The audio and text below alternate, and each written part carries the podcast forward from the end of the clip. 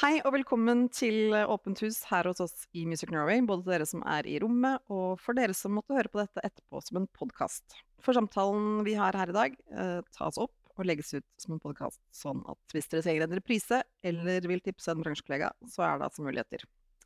Vi er her sammen med Jostein Ryssevik i det samfunnsvitenskapelige analyseinstituttet Ideas to Evidence, som har laget eh, denne kunnskapsoppsummeringen for oss som tar for seg trender i norsk og internasjonal musikkbransje. Vi har med oss Ingrid Lise May, som er Director of International Affairs i Tono, og Anja Nylund Hagen, som er seniorrådgiver i Kulturdirektoratet i Avdeling for kulturanalyse, og som har sittet i referansegruppe for denne rapporten. I denne samtalen skal vi se på hovedfunnene i trendrapporten, og snakke mer om sosiale medier, såkalte non-DSPs, og hvordan de representerer en inntektskilde for norske artister, utøvere og opphavspersoner i tiden som kommer. Vi skal begynne med å snakke litt med Jostein Rysvik, som jobber i det samfunnsfaglige analyseinstituttet IDs to som har laget kunnskapsoppsummeringen av Trønderrapporten for oss på andre året. Hei, Jostein. Velkommen hit. Eh, vi har også med oss Ingrid Lise May eh, fra Tono, kommer tilbake til det, og Anja Nylund Hagen, som eh, skal bli introdusert etter hvert. Formålet med disse trendrapportene våre er jo å belyse sentrale utviklingstrekk i norsk og internasjonal musikkbransje. og vi håper at det er i en form som gjør det ganske lettfattelig å ta inn over seg ganske komplekse og uforutsigbare sammenhenger i bransjen vår. Eh, og kunnskapsoppsummeringen fungerer også for oss som en, et faglig grunnlag for den strategiprosessen som vi er inne i, som sikkert noen av dere har fått med dere. Um, og er jo også et utgangspunkt for dialog med ja, andre aktører i musikkbransjen. Uh, og for å liksom bare få alle litt inn i folden på hva rapporten handler om denne gangen, så skal vi ta en runde på nøkkelfunnene. Uh, og Jostein, Eh, vi skal ikke dvele for lenge med denne pandemien, for den eh, er de fleste av oss eh, godt fornøyd med å snakke om. Eh, men allikevel, eh, rapporten berører det jo, eh, og sier jo særlig at live-delen av markedet, eller bransjen, hadde det tøft. men samtidig så har jo pandemien også representert en opptur for andre deler av musikkbransjen. Si litt om det. Ja, og det er kanskje når man det har vært snakka veldig mye mindre om enn en, en hvor tungt og vanskelig det var for, for, for, for live. Selvfølgelig. For det, det, var, det var uten tvil, både økonomisk og på alle andre måter. Men, eh, men eh, hvis man ser på nesten hele den andre delen av, av eller de andre delene av både den norske og internasjonale musikkindustrien, selv den internasjonale, så var jo det egentlig en gedigen opptur. Uh, altså, Veksten økonomisk sett har jo aldri vært større enn det var i, i uh, 21, altså det andre pandemiåret. Mm. Ja. Hva var driverne for den veksten? Mange ting. Men uh, altså, først og fremst et overskudd på tid hos de som, som, som lytter til musikk eller bruk, bruker kultur. Plutselig hadde man veldig mye mer tid til disposisjon, fordi det var mange ting man ikke kunne bruke tid på. Og det var også mange ting man ikke kunne bruke penger på, så det var, det var, det var, det var overskudd i markedet. Eh, så, eh, så, man så jo at det var en, sånn, totalt sett en veldig vekst i, kultur, i kulturkonsum generelt. Og, og, og, i og med at man ikke kunne gå, gå på konsert, så var, så var, det et digitalt konsum. Mm. Så, eh, så, så hele si, strømmemarkedet og alt som var knytta til digitalt kulturkonsum, eksploderte jo. Og, og, musikk fikk jo sin del av det. Det var faktisk ikke musikk som økte mest av, av de ulike kulturområdene, men, men, nok til at det skapte en, en, en voldsom opptur for si, den, den, den ja, innspilt musikkdelen av den internasjonale musikkbransjen. Mm. Eh, rapporten berører jo også hvordan de norske aktørene klarte seg gjennom pandemiårene. Eh, vil du si litt om det? Ja, eh, det, det, er klart at her er jo det kjempestore forskjeller altså igjen på, mellom live og, og, og, de som lever av andre ting. Men jeg tror totalt sett, hvis man oppsummerer, så gikk dette her overraskende bra. Det er sikkert mange som vil være uenige med meg, og det var sikkert tunge år. eh, særlig for de som ikke fikk på en måte møte publikum osv. Men, eh, men økonomisk sett, og som bransje, kom på en måte, altså den norske bransjen seg helskinna gjennom det her. Eh, og, eh, og, egentlig uten så veldig store økonomiske tap. Altså du har eh, altså, Sant Rambøll sin rapport som sa at man gikk glipp av, av 4,1 milliard i løpet av disse to pandemiårene. Men man må ikke glemme at Samtidig så ble bransjen tilført kanskje opp mot 3 milliarder i, eh, i støtte. Eh, i ja, disse ulike støtteordningene. Dels mot individene og dels mot uh, selskapene. Så, så, så, det balanserer seg nesten ut. I tillegg så er det masse ting vi på en måte hvordan en bransje som musikkbransjen er skrudd sammen, som gjør at man klarer å takle sånne, sånne sjokk som det er. da. Først og fremst Hvis vi tenk på live-delen, live så handler det om at det er en veldig li, eh, lite arbeidsintensiv bransje. Eh, det, det, er, sto, det, det er store, store, økonomiske tall, men få folk. Eh, og Det betyr at eh, man kan skalere altså Nesten alle utgiftene er knytta til, til aktivitetene. Og når aktivitetene forsvinner, så er ikke det bare inntektene som forsvinner, men kostnaden forsvinner også.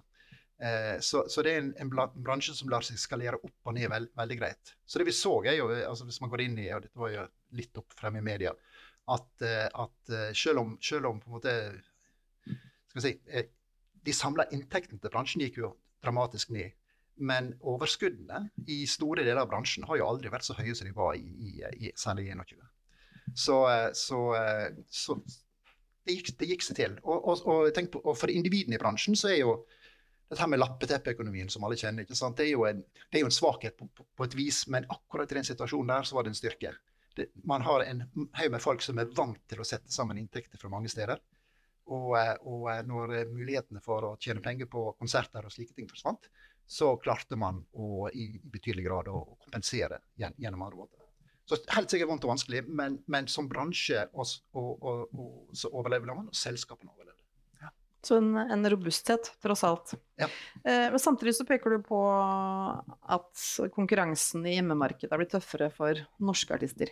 Ja, det er helt klart. Eh, altså Den gamle modellen med at eh, musikk oppdages på radioen, uh, er jo i ferd med å uh, forsvinne. ikke sant? Så, så Og det, det blir, jo jo tøft har jo utgangspunktet tøffere for, for, for norske musikere. ikke sant? Så radioen, i hvert fall NRK, er pålagt å ha en viss andel norsk musikk som de, som de fokuserer på. Og, og, men nå, du, nå, er, nå, oppdages musikk først og fremst på sosiale medier.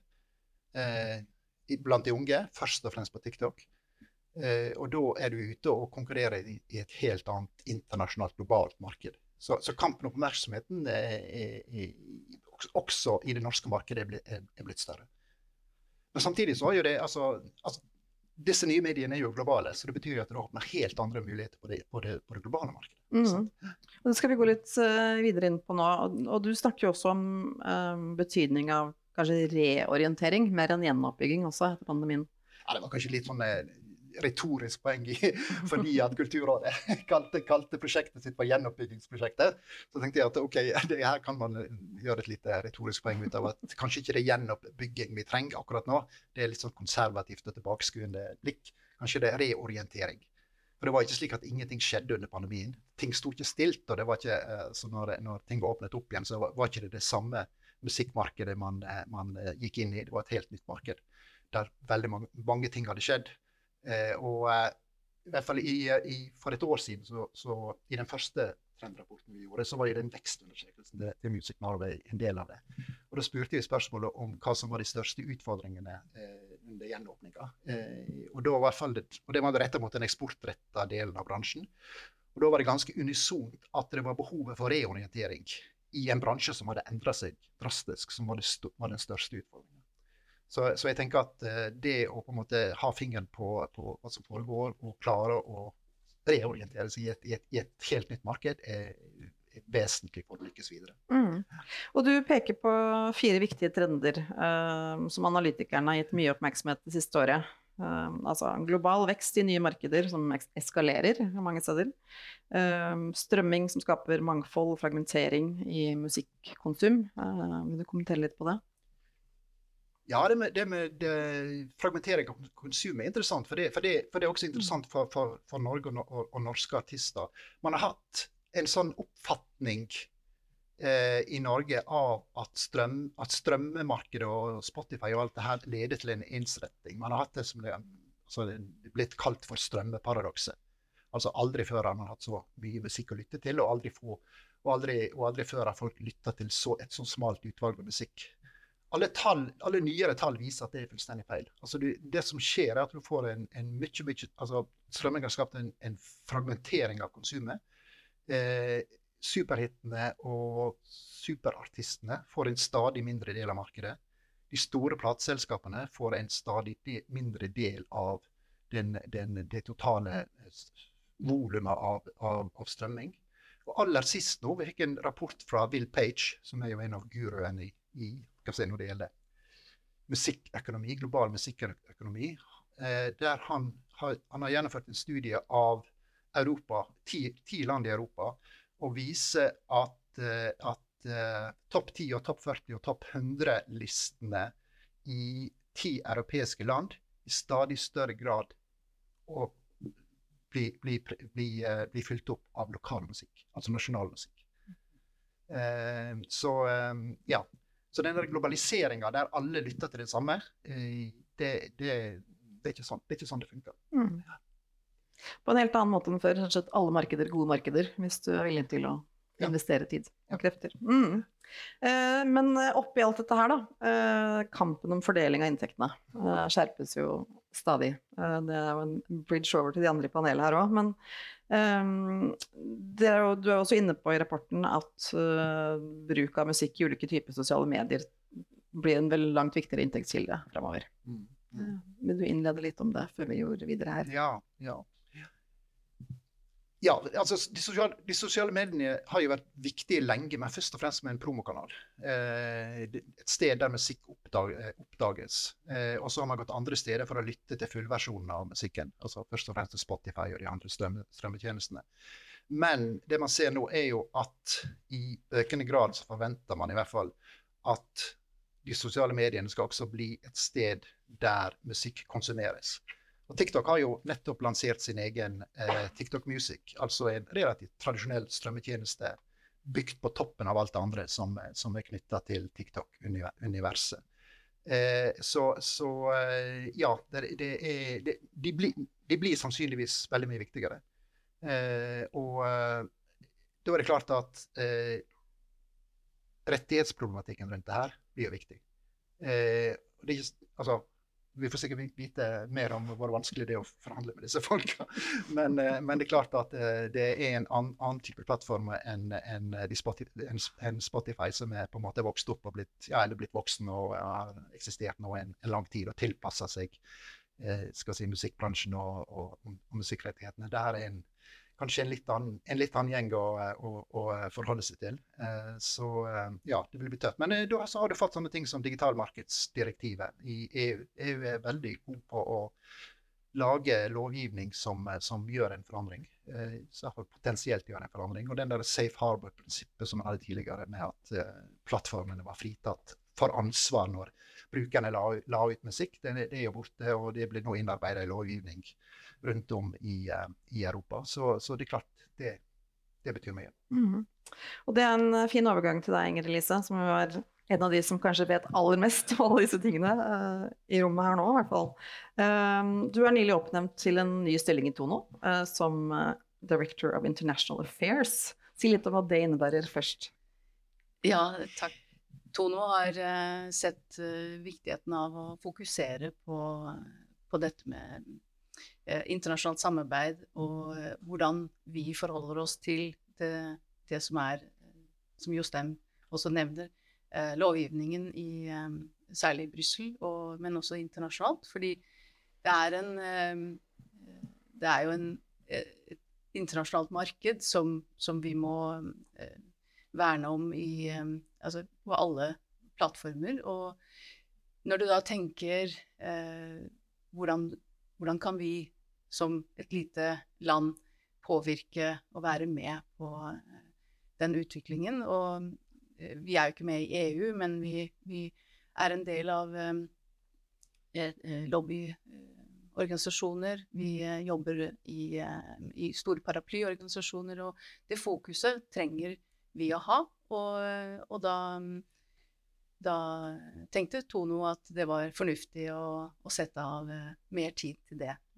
Og da Jeg har ledet medieavdelingen i Tono i jeg holdt på å si nesten 30 år. Eh, og har vært ansvarlig for eh, alle de store forhandlingene med, med de aktørene som vi snakker om nå. Um, og det kommer til å bli utrolig spennende å se hvordan vi både kan fokusere på et rettighetsbilde som er i endring, ikke minst uh, pga. kunstig intelligens. Så, så, jeg gleder meg veldig til å ta fatt på å løfte blikket og få tid til å, å grave meg ned i, i en del direktiver som jeg ikke tidligere har fått tid til å lese. Som er en ganske tidkrevende jobb i utgangspunktet. EU er ikke kjent for eh, liksom, enkelt, likefremt språk eh, nødvendigvis. Men, men så er jeg inne på også relativt nye ting. Dere har jo vært med å etablere Polaris Hub. Si litt om det arbeidet også, eh, så folk ja, blir litt mer opplyst om det. Det er jo ikke til å komme unna at det å hente inn vederlag rundt omkring i verden, det kan, det kan være krevende. Eh, så Tono, sammen med våre danske og finske søsterselskaper, eh, og litt Island, eh, laget en, det man kaller en special purpose vehicle, som egentlig er Det er et samarbeid som hvor vi vi ansatte Erik Brattås, som mange av dere kjenner, til, som daglig leder her eh, i fjor. Og det de skal gjøre, Polaris, det er en hub. De skal ut og, og forhandle avtaler med de store internasjonale multiterritorielle musikktjenestene. Uh, og I disse dager er vi i sluttfasen av uh, forhandlingene med ny avtale med Spotify, og det er veldig veldig spennende. Og vi krangler så busta fyker med både YouTube og TikTok. Det, jeg kan si litt mer om det uten mm. å gå inn på konfidensialitetsproblemer her, men, eh, men eh, vi, vi, har Polaris som en, eh, en Hva skal jeg si spydspiss, forhandlingspart inn i dette her. Og det er, det er krevende, men det er bedre å være tre-fire selskaper og, og, ha den internasjonale dimensjonen vi har. Vi er ute i alle Foreløpig de fleste europeiske territorier, og noen utover det, men målet er på en måte verdens herredømme. I all beskjedenhet. I all beskjedenhet, ja. ja vi, eh, vi, ser jo at det er eh, utfordringer. Altså, hvordan skal vi få tak i, i Alan Walkers uh, vederlag fra Filippinene, f.eks.? Uh, hvordan skal vi uh, finne Hvordan skal vi sørge for at, uh, at vi har den representasjonen eh, som vi trenger i, eh, i Sør-Amerika, Afrika altså, vi, er, eh, vi har jo Tono i Kina, men eh, det er ikke mye som kommer ut derfra. Så vi, eh, vi har en jobb å gjøre. Eh, og det er jo Det er bra vi har noen på jobben, for å si det sånn. Større betalingsvilje for strømming i, i modne markeder og vekst i fremvoksende markeder. Og større inntekter fra musikk på liksom, sosiale medieplattformer, er jo noe av det som berøres i rapporten. Men hva er liksom, dine faktiske erfaringer med det landskapet nå? Det vi ser, er at det er ganske stabilt på de tradisjonelle DSP, altså Spotify og sånn. Ehm, der, der eh, utfordringen virkelig eh, er, er jo eh, de sosiale medieplattformer som ikke egentlig anerkjenner at de bruker vårt repertoar og, og musikk på den måten de, eh, de gjør. De, og jeg har eh, Nå er jo ikke TikTok her i dag, men, men jeg har litt lyst til å, å, bare fortelle litt om utfordringene som vi har med, med de store, altså både Meta og TikTok. Og det går jo på noe så enkelt som eh, at de ikke vil rapportere hva bruken er. Og det gjør oss eh, ute av stand til å beregne et rimelig vederlag når vi ikke har den grunnleggende kunnskapen og informasjonen. Vi får 10 000 millioner rapporter fra Spotify og YouTube og kan liksom altså, kose oss med linjer i Men uh, vi får ingenting fra TikTok. De, uh, de, har på en måte bestemt seg for uh, Først så ville de jo ikke snakke med oss, men vi har kommet et skritt videre. Vi har, eh, vi har forhandlet uh, en stund. Uh, og vi har inngått en såkalt lump sum-avtale, som flere av dere sikkert kjenner til, det er jo utilfredsstillende på så mange nivåer, fordi beløpet er så lavt. Men når de da i tillegg ikke vil fortelle oss hva som er brukt, så gjør det oss også litt sånn frustrerte, fordi vi ser at inntektene som Altså omsetningen til en, en, en tjeneste som, som, TikTok er enorme. Og det er helt avgjørende at våre rettighetshavere får eh, en andel av, av, dette som vederlag. Um, men det, det, TikTok sier, um, og for så vidt også Meta, det er jo at um, de, de, anerkjenner at det skapes såkalte creations, som er en, en uh, produksjon. Uh, den kan de være interessert i å, å, eh, å, betale noe for. Ikke mye, men noe. Men all bruken som da skjer etterfølgende, som jo er det store volumet, det er på en måte Nei, det er ikke relevant. Og jeg vet ikke om det er eh, skal, Om vi skal tilbake til, til uh, Dere vet jo at TikTok eies av ByteDance, som er et kinesisk statlig selskap. Uh, for 4000 år siden sa Konfusius eh, at eh, eh, kulturen tilhører folket. Åndsverk kan ikke eies. Det er noe som, som er en del av vår felles kulturarv. Jeg lurer på om det kan være med på at vi ikke når igjennom i forhandlingene om betalingen av det som gjøres tilgjengelig for allmennheten. For det er jo faktisk eh, I vestlig eh, tradisjon så er det jo en eiendomsrett. Og det klinger ikke så godt i, eh, i de østlige tradisjoner. I, i sånn. Det kan være en spekulasjon, men jeg, jeg, vet i hvert fall at vi har eh, store utfordringer mm. med, med, sosiale medieplattformer som ikke vil eh, betale. Eh, det er jo ikke bare vi, det er jo mm. hele, hele, rettighetsbransjen og labels. Hvordan ser du for at det kan representere en mer stabil inntektskilde da, i årene som kommer?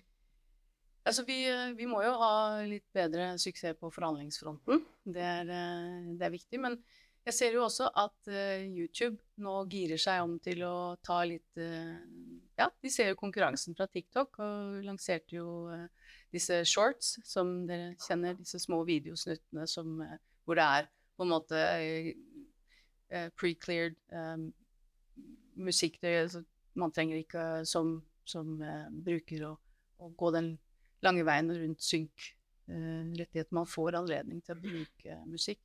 Og det blir en viktig sånn, si, demmer opp for eh, en utvikling som, eh, som, TikTok og Meta har, eh, disse reels og, og, og shorts. Um, og der er vi inne, i hvert fall i, i forhold til YouTube, så, så, er vi jo inne der med, med, rettigheter. For eh, da er jo bildet et helt annet på, på rettighetssiden. Mm. Så jeg, jeg tenker at det er, det er, jo grunnlag for utrolig eh, vekst også for våre medlemmer. Um, og det er veldig fint å lese både uh, Will Page uh, rapport uh, Han er min gamle kollega fra PRS i, i UK. Han er også en standup comedian, så hvis dere får anledning, så gå og lytt til han på en pub i et eller annet lugubert lokale. Um, men, men, det at, at, lokal at vi ser den lokale dimensjonen på Eller nasjonale, da. På, på spillelistene og på uh, det, det, er jo uh, noe som gjør at vi, vi har en uh, vi har en viss forhåpning om at det også gjelder hjemmemarkedet her etter hvert. Nordmenn er ikke veldig glad i å streame norsk musikk. Det er fortsatt ikke spesielt Dere må bli flinkere til å strømme nasjonalt innhold. En slags oppfordring der, altså. Veldig bra. Vi skal snart introdusere Anja her også, men uh, først uh, For de som kanskje ikke kjenner Sisak så godt, kan du ikke si to ord også om det, altså paraplyorganisasjonen for ja. deres Altså de kollektive forvaltningsselskapene, hvor jo du har vært veldig sentral i over 20 år, sånn som jeg forstår det. Ja, altså SISAK er rett og slett uh, alle Tono-selskapene i én uh, Happy Family. Der de har sitt hovedkontor i Paris. Um, og alt skjer på fransk. Nei, det er bare Det er, um, det er, en, det er en, veldig gammel organisasjon, men det er en veldig viktig organisasjon. Fordi de lager uh, disse guidelines og business rules og holder liksom styr på at, uh, at vi har uh, litt sånn ressurser At vi kan gå et sted, og, og, hvis vi ikke aner hvordan skal vi, hvordan skal vi forhandle med våre kringkastere, så kommer det en henvendelse fra, fra Istanbul eller fra Bulgaria eller et eller annet sted. Sånn, kan vi hjelpe hverandre med, med how to do. Ikke sant? Og så, så kommer Sisak inn og har både uh, juridisk og uh, politisk og uh, Jeg kan si det som så at Sisaks presidenter har jo vært størrelser som, som Nå er det jo Bjørn fra ABBA som er presidenten i Sisak.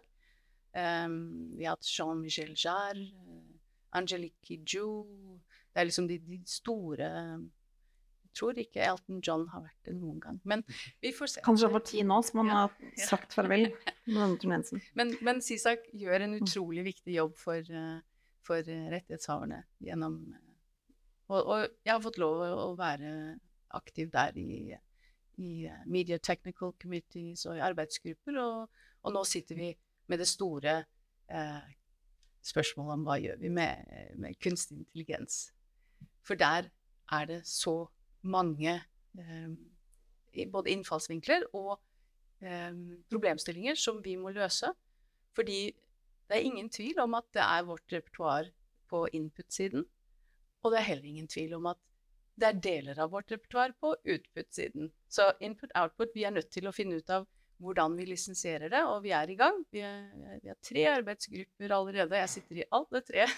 Så det, det, er ganske spennende. Så det kommer mer fra, fra Tono og Sisak på dette snart. Så, det høres ut som et uh, nytt uh, åpent hus. Uh, men i nå, Anja Anja Nylund Hagen, du er seniorrådgiver i analyseavdelingen i Kulturdirektoratet. Påtroppende sekretariatsleder for norsk offentlig utredning om musikkfeltet, må også nevnes. Velkommen. Ehm, jeg vet eh, mange har nok lest din rapport 'Digital ambivalens', eh, norsk musikk i internasjonale markeder, som jo også ble omskrevet til en bok eh, som heter 'Fra plate til plattform norsk musikk ut i verden'. Den er for øvrig ja, utgitt av Cappelen Dam og tilgjengelig på internettet, hvis noen er interessert. Um, med bakgrunn av ditt materiale, hvordan oppfatter eh, du at bransjen jobber mot de internasjonale markedene nå på disse plattformene? Ja, jeg syns jo det er veldig interessant å følge denne samtalen. Bare for å si det først, fordi den bransjerapporten, eller kunnskapsoppsummeringen, som Jostein skriver for dere, den tar for seg sant, de store utviklingstrekkene i et globalt perspektiv. Eh, følger med på pulsen, egentlig, av mye av det som skrives om. Uh, Inger-Lise snakker jo om det som skjer på et uh, juridisk nivå, globalt nivå. De forhandlingene som gjøres kollektivt og på vegne av feltet. Det jeg har studert, er jo norsk musikkbransje.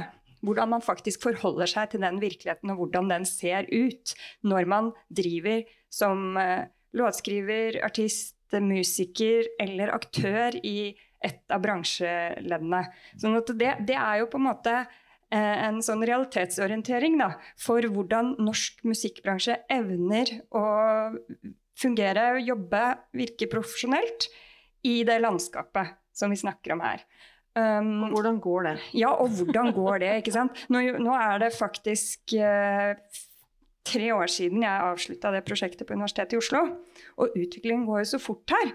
Sånn at det, alltid blir det Så jeg syns jo reorienteringsbegrepet som Jostein var inne på i stad, det handler ikke bare om etter pandemien. Det, det er en grunnskill i musikkbransjen hele tiden.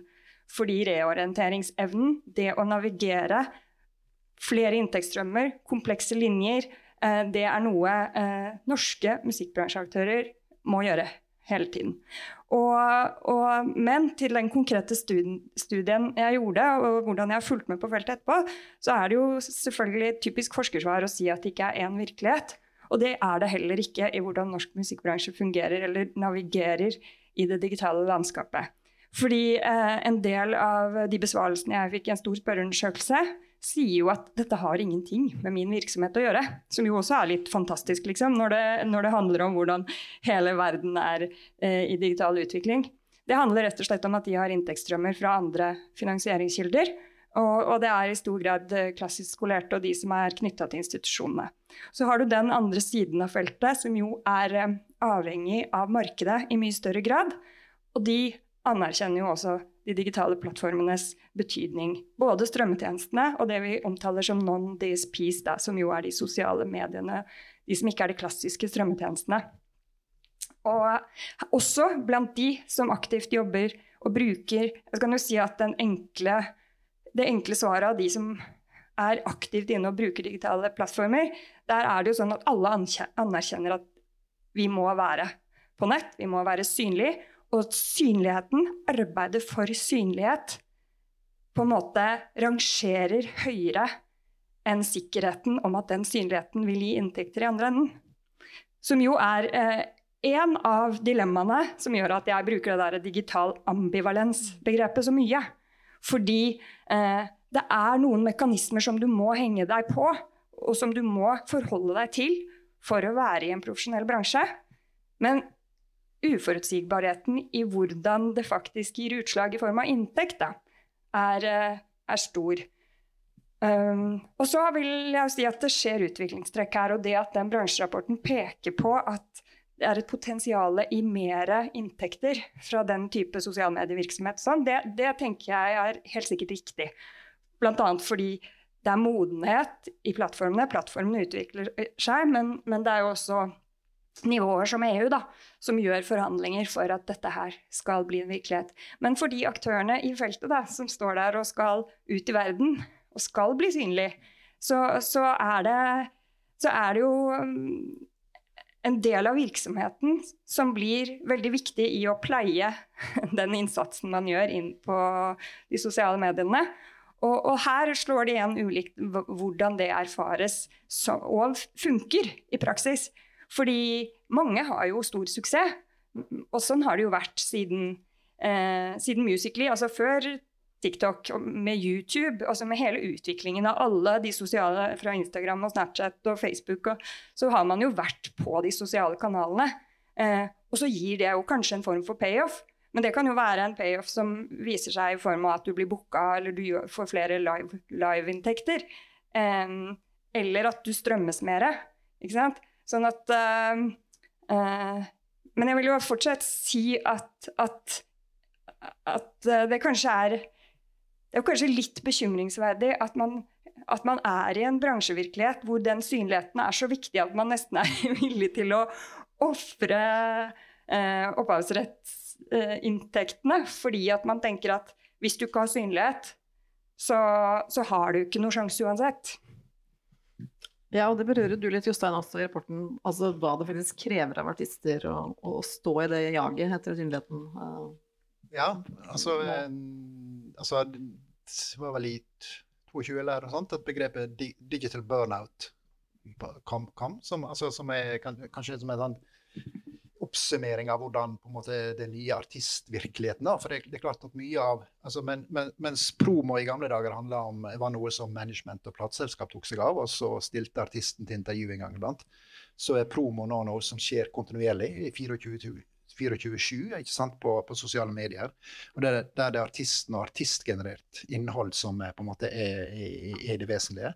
Og så På toppen av det så de kreative prosessene endrer seg i den forstand at sant, altså, den langsomme sånn album-release-takten som har vært prega bransjen før, med et nytt album kanskje hvert år, i det beste tilfellet annethvert år i mer normalt, kanskje, så, så, så, er det nå eh, en konstant Altså det, det, er en låtbasert økonomi. Der det er på en måte konstant produksjon og konstant release av ulike versjoner osv. Så, videre. så, du, så du har fått en, på en måte en helt eh, en annen type eh, virkelighet for artistene, der, der veldig mye mer eh, på en måte av oppgavene er dytta over på artisten. Ingrid Lisa. Jeg tenkte jeg skulle bare legge til, når vi snakker om dette med balansen i styrkeforholdet mellom eh, plattformer og, og eh, artister og rettighetshavere og skapere. Så jeg hadde lyst til å fortelle bare kort at um, um, når det gjelder um, det å forhandle frem gode avtaler for å få vederlag, så opplevde det italienske Tono eh, i, i, vår at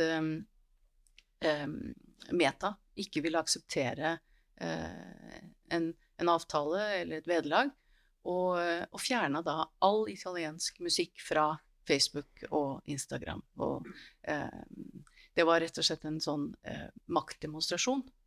Eh, og så skjedde det eh, forunderlige som vi aldri har opplevd før. Det var rett og slett at noen eh, smekket EU-direktivet eh, fra The Digital Copyright Single, altså DSM-direktivet, paragraf 17, i bordet. Sånn, smekk. Og eh, tvang Meta til å legge opp all italiensk musikk igjen umiddelbart. Og det var ikke bare myndighetene i Italia, det var altså konkurransemyndighetene, det var kulturmyndighetene. Og dette sier litt om hva det er vi har fått av eh, drahjelp og eh, rett og slett verktøy til å, å balansere den makta som, som, jo har ligget i de store plattformenes eh, en sånn råkjør mot eh, eh, artister og rettighetshavere. Så digital burnout altså nå, Jeg håper at vi, at vi, nå har muligheten til å virkelig snu litt på, på den vekta der. Ja, og fra et artistperspektiv så, så kan man jo tenke da at, uh, at det er verre når, når, man trekker hele den italienske katalogen. For de italienske artistene trenger jo den synligheten, og det er absolutt nødvendig for dem.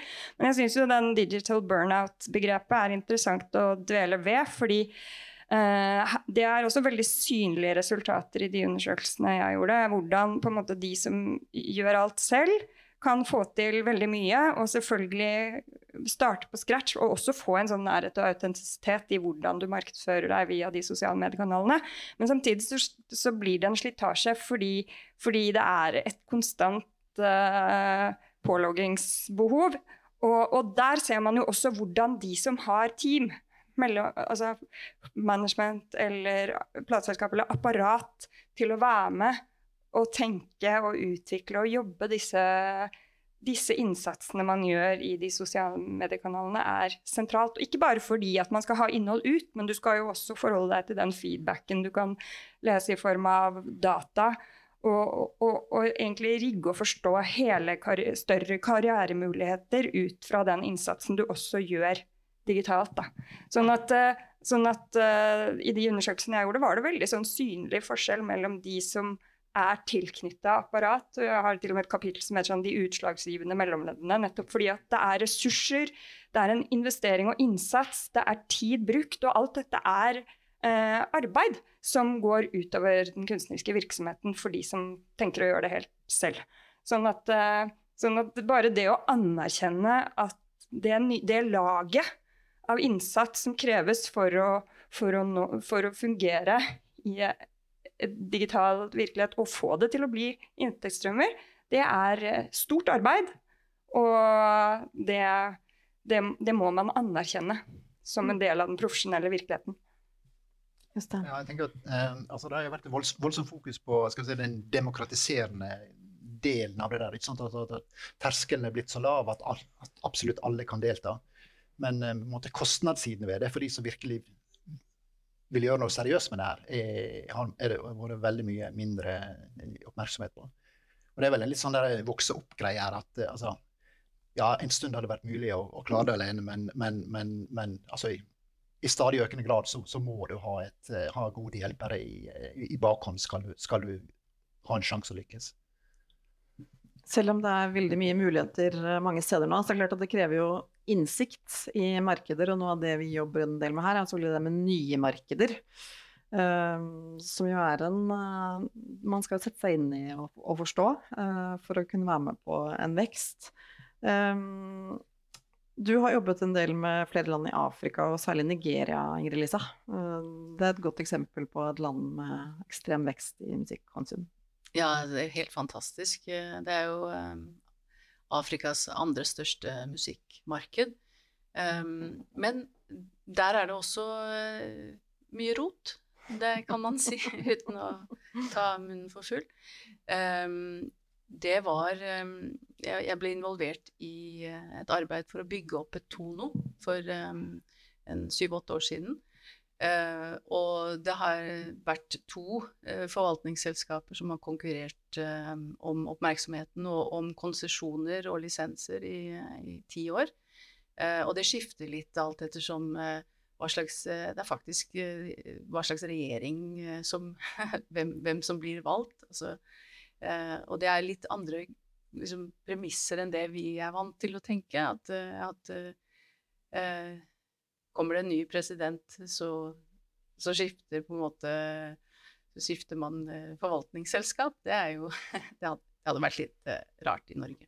Men, men uh, når, når, det er sagt, så er det i hvert fall um, Nigeria har jo det største musikkmarkedet. Altså, dere kjenner afrobeats, og dere har hørt om Wizkid og uh, Fela Kuti, uh, uh, Tiwa Savage Det er mange store nigerianske internasjonale størrelser som setter sitt preg på, på musikken i hele verden. Men fordi de har et så stort hjemmemarked. Det er jo 80-90% av musikken som lyttes til i Nigeria, er jo nigeriansk. Eh, så, så, ville det vært en helt fantastisk situasjon for et, et, eh, et lokalt Tono, eller Gramo. Eh, I dette tilfellet er Tono og Gramo slått sammen, det, og, og, og, Labels er også med der. Så det er liksom De har samlet seg, men de har dårlige arbeidsvilkår, i, for det er, det er, kaos. Men jeg dro ned med min digitale verktøyskasse for å rett og slett lære Eh, dem det jeg hadde lært med å forhandle med Spotify og Netflix og iTunes og, og eh, De heter eh, Boom, Boombox? Nei. Det er i hvert fall mange strømmetjenester som er til stede der, og det er mye musikk som konsumeres, og det er altfor lite rettigheter som blir betalt for. Mm. Så det er, det er et svært interessant marked arbeidsforholdene for norske artister og låtskrivere og opphavere er også et tema som skal berøres mye framover ja, i, i, nevnte NOU. Eh, hva tenker du om det, Anja?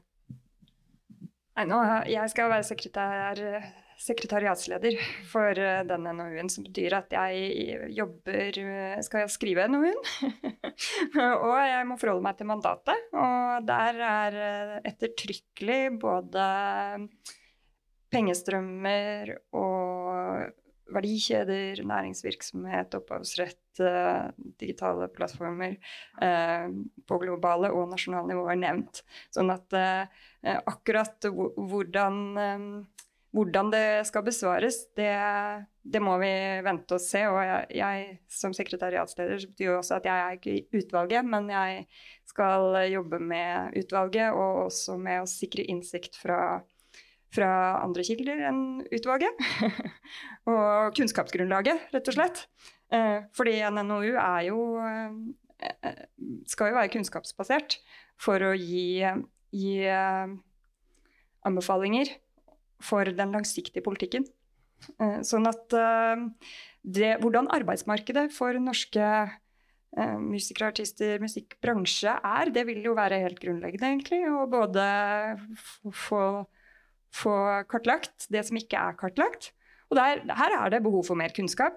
Det, altså de undersøkelsene jeg gjorde, er jo et forsøk på å kartlegge hvordan norsk musikkbransje bruker, eh, forholder seg til, anerkjenner og lykkes eller mislykkes da, med, med, bruken av disse tjenestene. Eh, og jeg gjorde en spørreundersøkelse. Jeg var også delaktig i Musikkindustriens næringsråd sin rapport om det første halvåret under pandemien. Og jeg også passa på å få putta inn noen spørsmål om, om f.eks. TikTok. da. For det var det første kvartalet i pandemien hvor TikTok som app fikk verdensrekord i nedlastning. Det var brukere som lasta ned TikTok som, som, aldri før. Som gjorde at det skjedde en stor bevegelse, og bransje, musikkbransjens blikk eh, mot TikTok som markedsføringskanal også ble på en måte allmenn. Det vil ikke si at ikke mange hadde allerede vært inne på Musically. Og, og det fantes også eksempler på norske artister med store følgemasser da, da Musically, som det het, var en lipsynkingtjeneste som i hovedsak gikk på lipsynke og danse. Men, men, men, poenget er at her finnes det stadig behov for ny kunnskap. fordi i hvilken grad, hvilke deler av norsk musikkbransje faktisk bruker disse tjenestene, eh, der, der, er det mye, mange hull. Eh, vi vet ikke noe helhet eh, om det, det. og det er jo en del av arbeidshverdagen og bransjevirkeligheten de har å forholde seg til. sånn at uh, jeg tenker jo at NOU-en som, som, sjanger er jo en veldig interessant mulighet for å bringe opp sentral kunnskap også. Som jo jeg syns Som gjør at jeg syns det var en attraktiv jobb å søke på, rett og slett. Det å være denne sekretæren. Selv om det er et krevende, svært og veldig sammensatt mandat som skal besvares, da. Mm. Mm, men, men, vi får bare tenke på det som en, en enestående mulighet til å, til å, få helt sentral kunnskap opp. Som, som skal, og, og, og da, da, vil jo teknologidimensjonen være helt vesentlig. Fordi hvis en NOU skal ha verdi, så må den ha, basere seg på kunnskap som jo minst har et tiårsperspektiv, eller, eller sånn. Sånn at uh, alle de nye den, det, det, vi vet om teknologiutviklingen og, og de digitale plattformene, uh, vil jo være relevant, men det er jo fryktelig mye vi ikke vet også. Og også om de nye dimensjonene ved teknologien. AI er jo ikke noe nytt. Kunstig intelligens er jo ikke det. Fordi fryktelig mange av Altså alle plattformene sånn de fungerer, har jo dimensjoner av kunstig intelligens eller maskinlæring. Algoritmeprinsippet per def er jo eh, maskinlæring. Uten at jeg er teknolog, teknolog da. Så, men, men, det er jo, jo, men jo smartere teknologien blir, eh, jo mer uforutsigbart vil det bli for bransjeaktørene å forholde seg til den og bruke den. Og enn så lenge er jo også teknologiselskapene styrt på overnasjonale nivåer som gjør at disse forhandlingsgrepene som dere holder på med i Tono og på, er, er, helt vesentlig da, for å henge med. Um, og Web3, som, som, de nye arkitekturene for hvordan internett kommer til å se ut kanskje i framtiden, altså som ligner mer på et spillrom hvor du går inn og du forholder deg, du manøvrerer i 3D-arkitektur, er jo også eh, eh, noe ikke vi har snakka om så mye, men som hvor, hvor, det også finnes muligheter for andre betalingsstrukturer med, med blokkjede og, og, sånn. Og, og, selv om det var en veldig hype og buzz som alle snakka om for to år siden, liksom, så, så, betyr jo ikke det at uh, de delene av teknologiutviklingen er stoppet. Sånn at eh, jeg tror at eh, det er veldig sånn sentrale deler som på en måte Det kan, det kan knas tilbake til det vi prater om her, om betydningen av sosiale medier, på en måte. Eh, men, men uh, du, man må på en måte gire det opp i tiende potens hvis det skal ha et langsiktig perspektiv. Og det er det vi må ha litt ambisjon for å, for å klare å besvare mm. med NOU-en også. Da høres det ut som vi har mange lange, gode samtaler foran oss. Eh, så velkommen til Tono skal du være. vi skal begynne å gå inn for landing, dere. Um, uforutsigbarheten, kompleksiteten og tempoet til tross, Jostein. Er det håp, tror du, for norsk musikkbransje fremover? Ja, selvfølgelig. Klart det. Ja, det tror jeg absolutt. Det er bra. Ja. Anja, ditt beste bud? Absolutt håp, men ikke vær naiv og ikke tro at det løser seg uten hardt arbeid. Eh, og teknologiutvikling er én ting, men uh, vi begynte jo å snakke om konsert- og livemarkedet. Uh, der er det jo tross alt litt gode nyheter i vente, er det ikke det, Ingrid Lise? Jo, absolutt. Vi ser nå på resultatet på første halvår i år. Vi kommer til å være tilbake til der vi var før pandemien. Eh, og vel så det. Mm. Jeg har fått lov å si det eh, mm. høyt. så det er eh, utrolig gode nyheter på konsertmarkedet i, i Tono. Så eh, det er, eh, det er, bare å spille på. Veldig bra. Ending on a high note.